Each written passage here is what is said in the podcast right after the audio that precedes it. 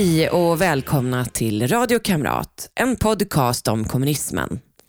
Jag som pratar heter Rebecka Weidmo och är liberalkonservativ skribent och debattör.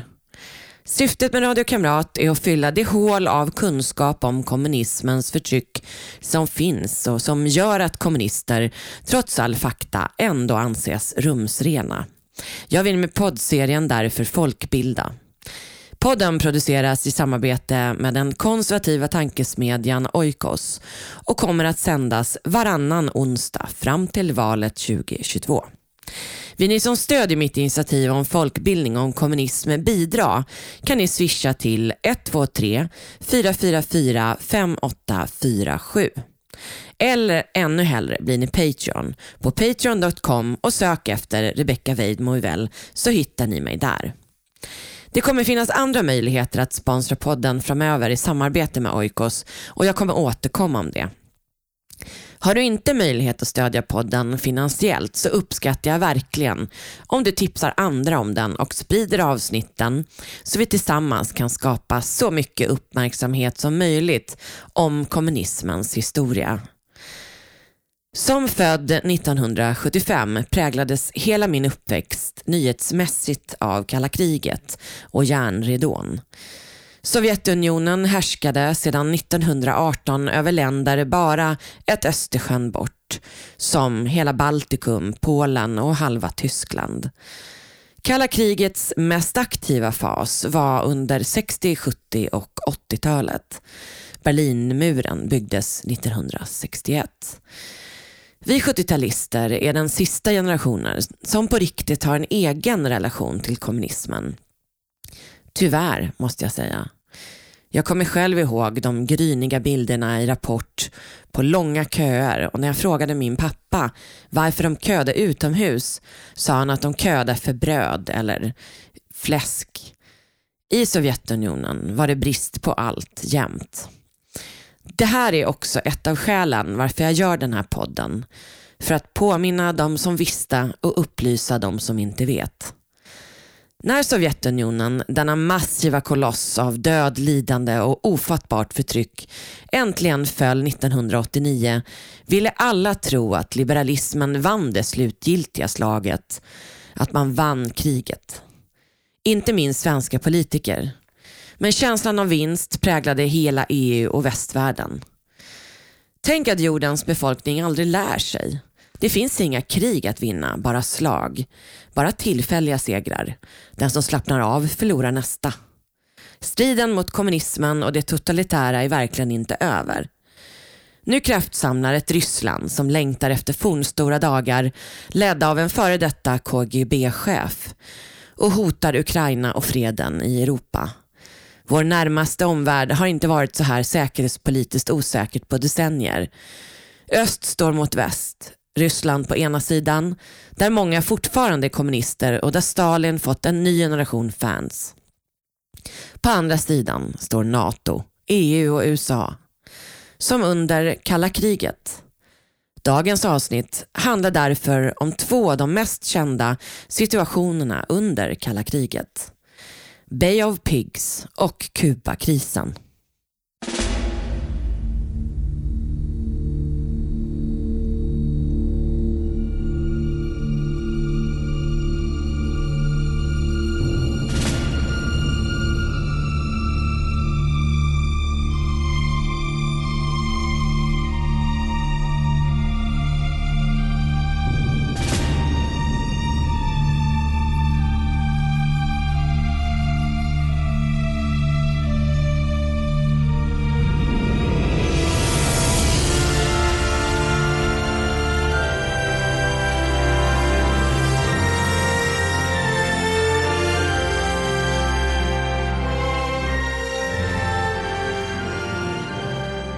Kalla kriget uppstod efter andra världskrigets slut när USA hjälpte de allierade att rädda oss från Hitler och Tredje riket. Man är lite oense om exakt när kalla kriget verkligen startade men 1947 är det årtal som oftast anges. Som jag har försökt visa genom hela poddserien startade egentligen all världens kommunism i Ryssland den ryska revolutionen blev startskottet för all kommunism som uppstod under hela 1900-talet. När andra världskriget startade 1939 hade de ryska kommunisterna byggt Sovjetunionen under redan två decennier. Lenin hade dött och Stalin hade redan tagit över sedan länge. Gulag var redan byggt. Sovjetunionens strävan efter världsdominans genom att man finansierade, utbildade och inspirerade en massa kommunister i världen i såväl Asien som Afrika, Europa och Sydamerika pågick när Hitler tog makten i Tyskland och när han startade andra världskriget i syfte att själv ta makten över världen. Detta var ett av skälen varför Sovjetunionen först förhandlade med nazisterna i Molotov-Ribbentrop-pakten. Man ville först dela upp Europa mellan sig. Hitler bröt avtalet nästan direkt och fick då även Sovjetunionen emot sig i kriget. Men initialt hade Stalin givetvis tänkt att stå och se på när länder de själva ville ha blev svaga av kriget. Det är lätt att glömma bort när vi pratar om andra världskriget. Att Sovjetunionen, precis som Hitler, strävade efter världsherravälde och den ambitionen tog slut först 1989.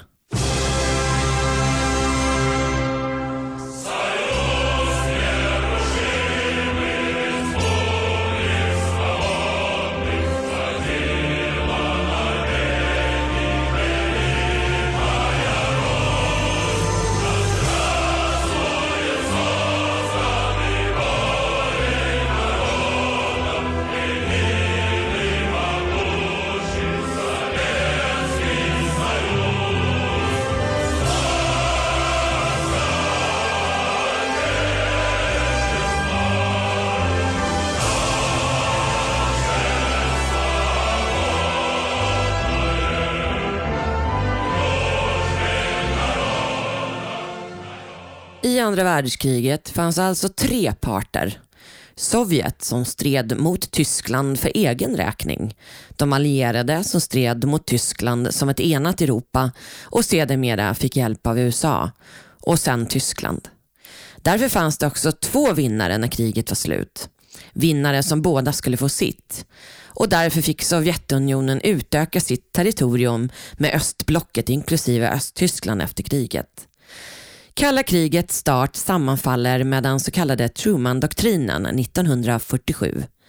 Harry S. Truman var president och lade då fram den utrikespolitiska doktrinen framför kongressen vars innebörd var It must be the policy of the United States to support free people who are resisting attempted subjugation by armed minorities or by outside pressures. Truman konstaterade att eftersom totalitära regimer förtrycker fria människor är det automatiskt ett hot mot internationell fred och i slutändan USAs säkerhet. Truman-doktrinen lades fram mitt under det grekiska inbördeskriget 1946-49 och han argumenterade att om inte Grekland och Turkiet fick hjälp skulle de bli lätta byten för kommunister. Truman-doktrinen markerade ett skifte i amerikansk utrikespolitik som till viss del än idag är aktuell. Den där resten av den fria världen litar på att USA kommer hjälpa till vid kris. Den andra viktiga händelsen i kalla kriget var bildandet av North Atlantic Treaty Organization 1949. Eller som den är mest känd som, NATO.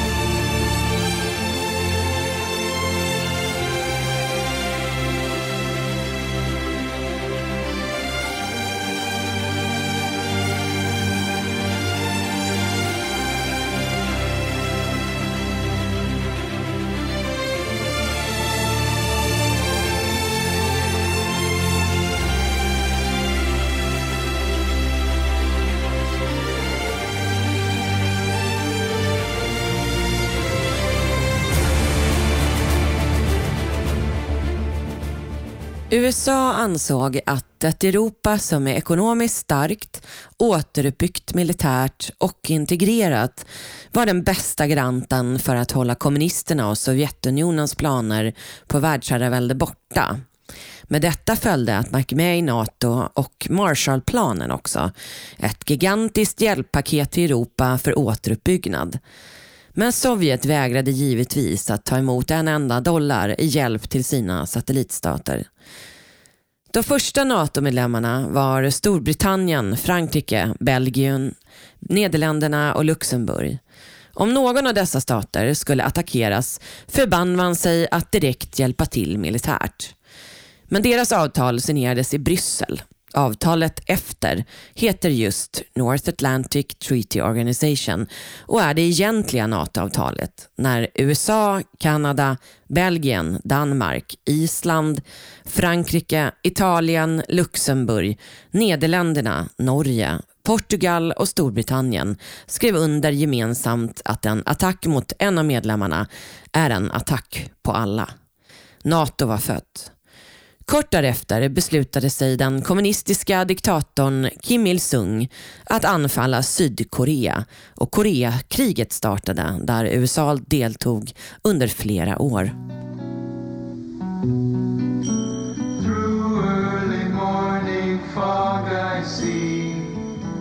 Visions of the things to be, the pains that are withheld for me i realize and I can see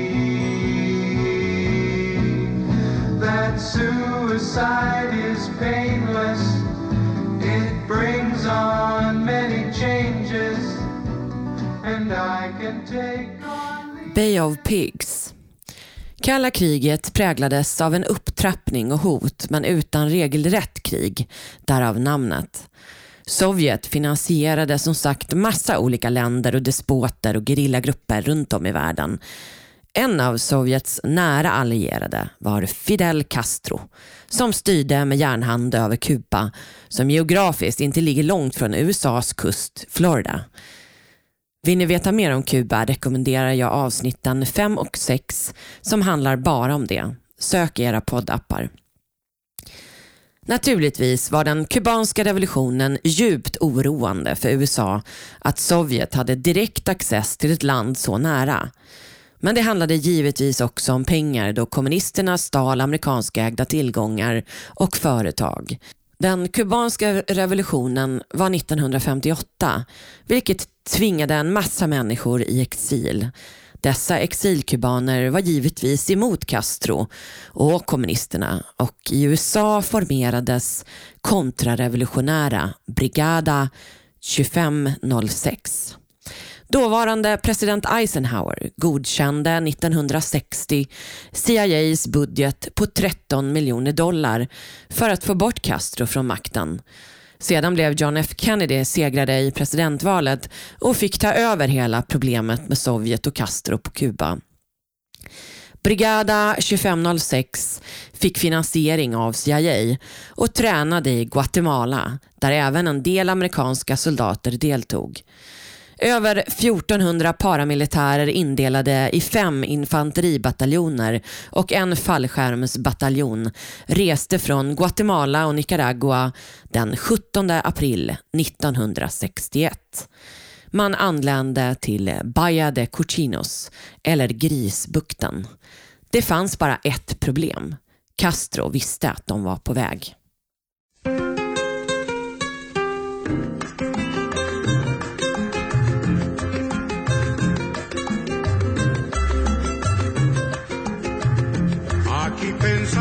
Seguir ganando el ciento por ciento con casas de apartamentos y echar al pueblo a sufrir y seguir de modo cruel contra el pueblo conspirando para seguirlo explotando. Y en eso llegó Fidel. Y se acabó la diversión. Llegó el comandante y mandó a parar. Y se acabó la diversión Llegó el comandante y mandó a parar. Kubansk säkerhetstjänst i Miami hade snappat upp vad som var på gång genom att medlemmar av brigaden pratat öppet.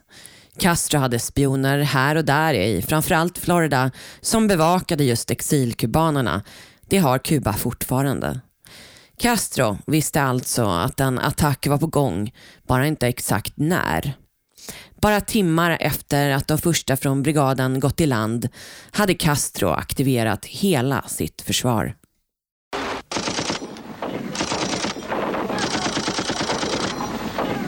At a secret base in the Guatemalan jungle, American CIA agents had been training Cuban exiles to invade Cuba. This, they thought, would be the impetus for the Cuban people to rise up and overthrow Castro. The plan was presented to the new president, John F. Kennedy. Kennedy felt that a plan that he had inherited, under which a band of Cuban exiles were to liberate their own country, was one he could hardly turn his back on. Surely the United States uh, should help get rid of a communist dictatorship in our hemisphere. The CIA badly misled the new president promising him an easy victory and an end to the Cuban problem. Kennedy agreed to the invasion, but demanded crucial changes to hide America's involvement. Just three days before the planned invasion, Kennedy denied any possibility of American intervention. There will not be, under any conditions, be an intervention in Cuba by United States Armed Forces. Eftersom man sjabblade bort möjligheten till en överraskningsattack blev Bay of Pigs invasionen ett fiasko från start. Tre dagar efter invasionen drog man tillbaka resterande styrkor. 126 personer hade dött från brigaden, 176 från kubanska armén, men ytterligare 2000 milismän som redan kämpade som grilla på Kuba strök också med. Minst sju exilkubaner och två CIA-män avrättades sen efter en två dagars rättegång i Pinar del Rio. Mellan april och oktober 1961 hämnade Castro invasionen genom att avrätta hundratals kubaner. 1202 män från brigad 2506 tillfångatogs av Castros styrkor. Nio dog redan under transporten i trånga lastbilar av syrebrist. Castro föreslog att byta fångarna mot 500 stora traktorer och sen ändrade han sig till 28 miljoner dollar. I mars 1962 ställdes 1179 brigadmedlemmar inför rätta för förräderi och dömdes till 30 år i fängelse. 2021 blev det känt att den brasilianska presidenten João Goulart för USAs räkning fått Castro att inte döma till dödsstraff. I december 1962 skrev USA under ett avtal med Kuba om att 1113 fångar skulle släppas mot 53 miljoner i bistånd i form av mat och mediciner. Några flögs och resten kom med båten African Pilot tillsammans med tusen familjemedlemmar som också fått tillstånd att lämna landet. Den 29 december 1962 deltog John F Kennedy och hans fru Jacqueline en välkomst tillbaka-ceremoni för brigad 2506-veteranerna på Orange Bowl Stadium i Miami, Florida.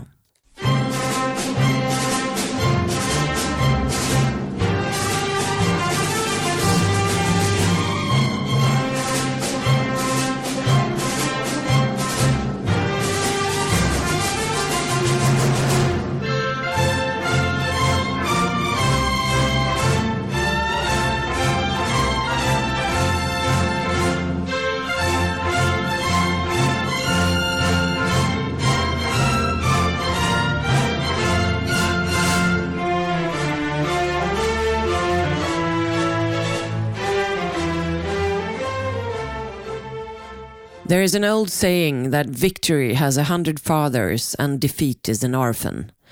Så beskrev Kennedy fiaskot Bay of Pigs som generade den nya administrationen och gjorde att Castro blev medveten om en konstant faktisk risk för att USA skulle invadera, vilket förstörde framtida möjligheter.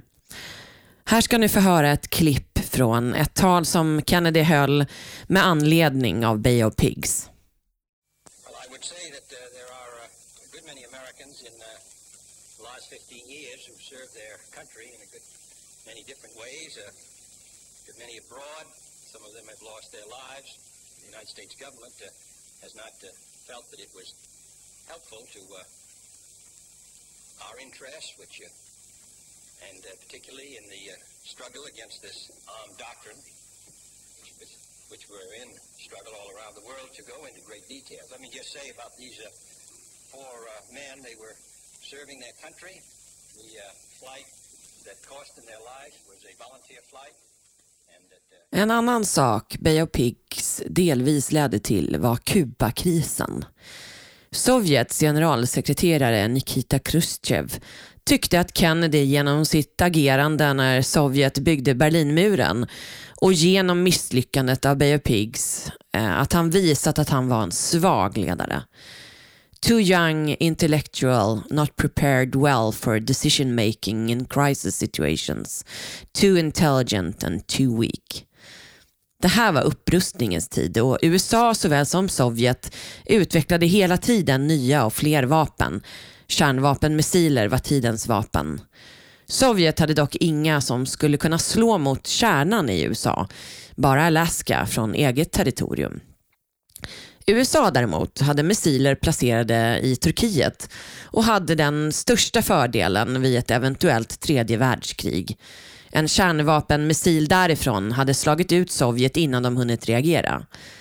Det var då Khrushchev och hans rådgivare kom på idén att placera missiler på Kuba. Det fanns även ett annat geopolitiskt syfte. Sovjet ville att även Västberlin skulle bli en del av Sovjet. Att Berlin delades och USA fanns så nära Sovjets yttre gräns ansågs vara det största hotet. Om Sovjet kunde placera missiler på Kuba utan att USA och deras enligt dem svaga president Kennedy protesterade ledde detta vägen till att med våld ta över även Västberlin.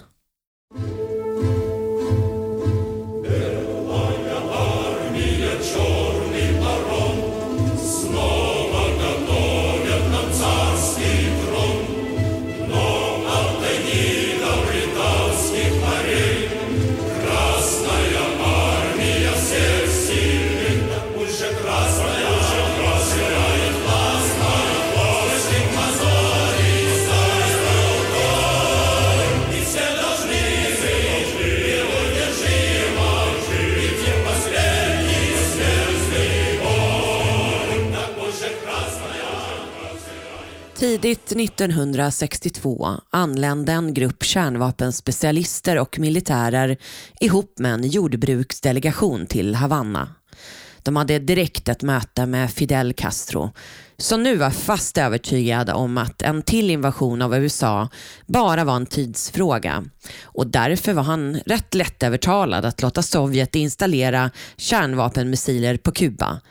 Även om han initialt enligt en källa var negativ eftersom han inte ville verka som en svag marionett till Sovjet vann argumenten att kärnvapenmissilerna skulle göra amerikanerna upprörda. I maj 1962 enades Khrushchev och Castro om att i hemlighet placera missilerna där. Eftersom Sovjet var en diktatur kunde man behålla hemligheter och det var bara några få som visste om projektet. Till och med trupperna som skulle utföra missionen gavs fel information. De blev tillsagda att packa vinteruniformer. Hemlighetsmakeriet kallades Maskirovka. Kodnamnet för operationen var Operation Anadyr efter Anadyrfloden som flyter in via Berings hav i östra regionen. Specialister på missilkonstruktion fick titlar som maskinoperatörer och jordbruksspecialister och anlände till Kuba i juli 1962. I september 1962 försäkrade man den amerikanska ambassadören i FN att de vapen man noterade att levererats till Kuba bara var försvarsvapen och inte offensiva vapen. Khrushchevs princip var att Kennedy mot bakgrund av fiaskot Bay of Pigs skulle vilja undvika konfrontation till varje pris för att slippa en repris och därför skulle han acceptera missilerna när man väl fick kännedom. De sovjetiska missilerna anlände till Kuba den 8 september och resten den 16 september. R-12 var en mediumdistansmissil som kunde bära kärnvapen av megatonklass. Sovjeterna byggde nio uppskjutningsställen. Sex för R12 som kunde färdas 2000 kilometer och tre för R14 som kunde färdas 4500 kilometer. Först den 15 oktober, dagen efter CIAs fotoanalyscenter fått 928 bilder från ett av USAs spaningsplan U2 som de tagit över Kuba, fick USA bekräftat att det nu fanns missiler på Kuba. Dubbelagenten Oleg Penkovsky, som arbetade både åt GRU och MI6, kunde identifiera missilerna som R12 tack vare sin kunskap om sovjetiska vapen. Klockan 18.30 den 15 oktober 1962 sammankallade president Kennedy det nationella säkerhetsrådet.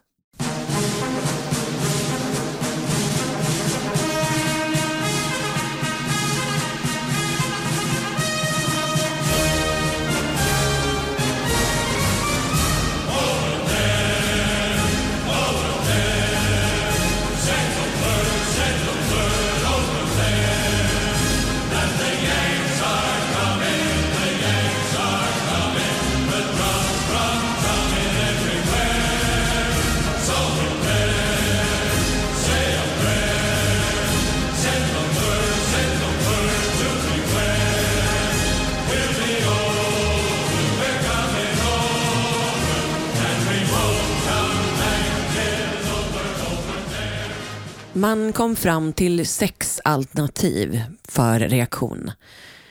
1. Göra ingenting. Att vara hotad av sovjetiska missiler var inget nytt under kalla kriget. 2. Diplomati. Använda diplomatiskt tryck för att få Sovjet att ta bort dem. 3. Hemliga förhandlingar. Erbjuda Castro att antingen ta avstånd från Sovjet eller bli invaderad. 4. Invasion. Fullskalig invasion med armén, marinen och flygvapnet och störta Castro. 5. Flygattack. Använda flygvapnet för att slå ut alla kända missilplatser. Eller 6. Blockad.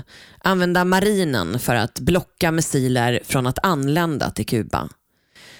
Kennedy var emot invasion eftersom han befarade att det skulle leda till ett kärnvapenkrig där 70 miljoner amerikaner skulle kunna dö. Slutligen bestämde han sig för blockad. Men använde ordet karantän eftersom blockad hade inneburit en krigsförklaring. Amerikanska marinen skulle hindra alla nya missiler och materiell från att anlända Kuba. Han beordrade samtidigt den amerikanska militären om den största mobiliseringen sedan andra världskriget. Den 22 oktober talade Kennedy till nationen. Good evening, my fellow citizens. This government, as promised, has maintained the closest surveillance of the Soviet military buildup on the island of Cuba.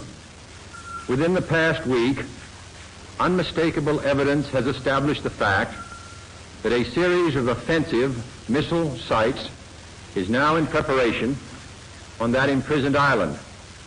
The purpose of these bases can be none other than to provide a nuclear strike capability against the Western Hemisphere. Only last Thursday, as evidence of this rapid offensive buildup was already in my hand, Soviet Foreign Minister Gromyko told me in my office that he was instructed to make it clear once again, as he said his government had already done, that Soviet assistance to Cuba, and I quote, pursued solely the purpose of contributing to the defense capabilities of Cuba, unquote. That, and I quote him, training by Soviet specialists of Cuban nationals in handling defensive armaments was by no means offensive. And that if it were otherwise, Mr. Gromyko went on, the Soviet government would never become involved in rendering such assistance, unquote. That statement also was false. Acting, therefore, in the defense of our own security and of the entire Western Hemisphere, and under the authority entrusted to me by the Constitution, as endorsed by the resolution of the Congress, I have directed that the following initial steps be taken immediately. To halt this offensive buildup, a strict quarantine on all offensive military equipment under shipment to Cuba is being initiated. All ships of any kind bound for Cuba, from whatever nation or port, where they're found to contain cargoes of offensive weapons, be turned back. I talet informerade han USA och resten av världen om missilernas existens och varnade Sovjet att ett anfall mot något land i väst skulle leda till total vedergällning mot Sovjetunionen. Att USA var fast beslutna att få bort missilerna från Kuba även om det krävde militärt våld. Kennedy beordrade också att den kärnvapenbestyckade bombplansflottan till Defcon 3-läge, vilket betyder att de skulle kunna lyfta inom 15 minuter om presidenten gav order. Den 24 oktober höjde USA sin beredskap till Defcon 2. 1 betyder krig. Amiral Anderson gav order om att sänka alla fartyg som vägrade stanna. Sovjet beslutade sig till slut för att inte testa USA utan stanna fartygen. I Moskva oroades ledaren Khrushchev som sett 30 miljoner sovjetiska medborgare dö i andra världskriget. Fyra dagar in i blockaden hade dock inte ett enda skepp bordats och genomsökts. För att visa handlingskraft beslutade Kennedy att ett libanesiskt fartyg skulle bli det första och för att undvika en konfrontation större än nödvändigt med Sovjet. En inte så känd del av Kubakrisen kanske är att en svensk hade en roll. Det svenska fraktfartyget Kolangatta seglade under kapten Nils Karlssons ledning och tog sig den 26 oktober 1962 genom blockadlinjen. Han hade potatis ombord som skulle lossas i Havanna och han trodde inte att hans lilla fartyg skulle intressera amerikanska flottan. Han ignorerade dessutom uppmaningar om att stanna. På marinbasen i Key West visste man inte vad man skulle göra. Skulle man skjuta eller skulle man låta honom passera? Man beslutade sig för att båten fick passera ändå och Kolangatta var det enda skeppet som under den månadslånga blockaden passerade in till Kubas hamn.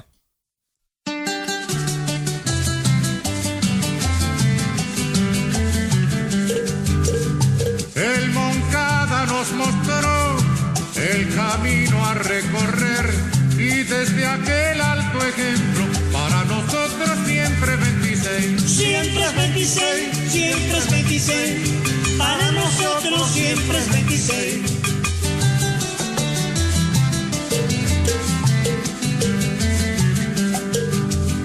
La patria es canto y amor, la patria es lucha y deber, y en esto del patriotismo, para nosotros siempre es 26. Siempre es 26, siempre es 26, para nosotros siempre es 26. Lördagen den 27 oktober 1962, efter långa förhandlingar mellan Sovjet och Kennedys kabinett, gick Kennedy i hemlighet med på att ta bort alla missiler från Turkiet mot att Khrushchev tog bort samtliga missiler på Kuba.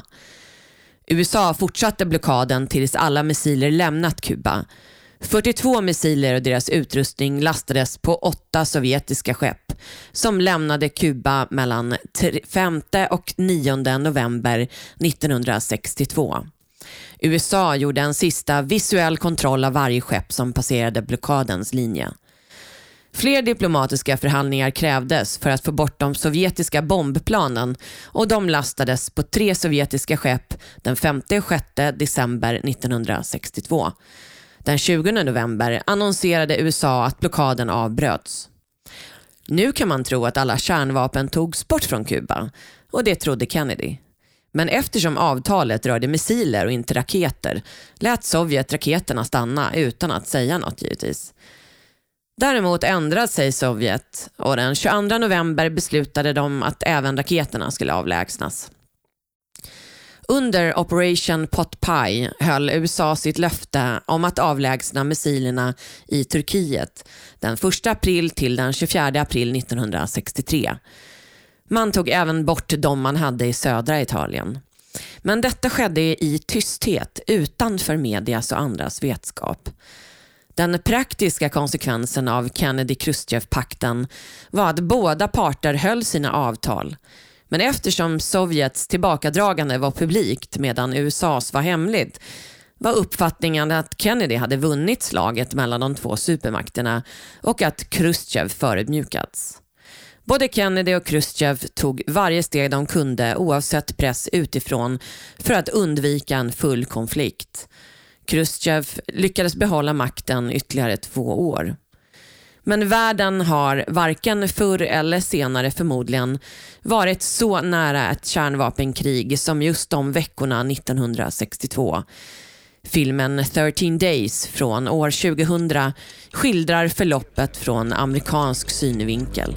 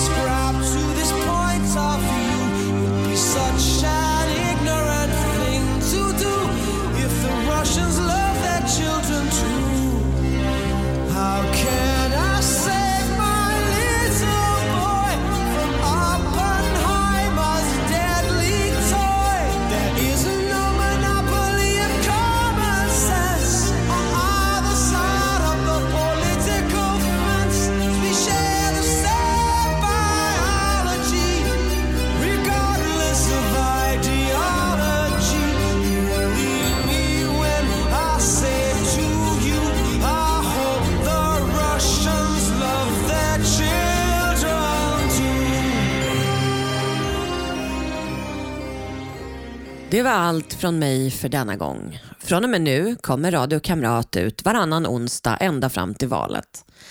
Podden produceras i samarbete med den konservativa tankesmedjan Oikos.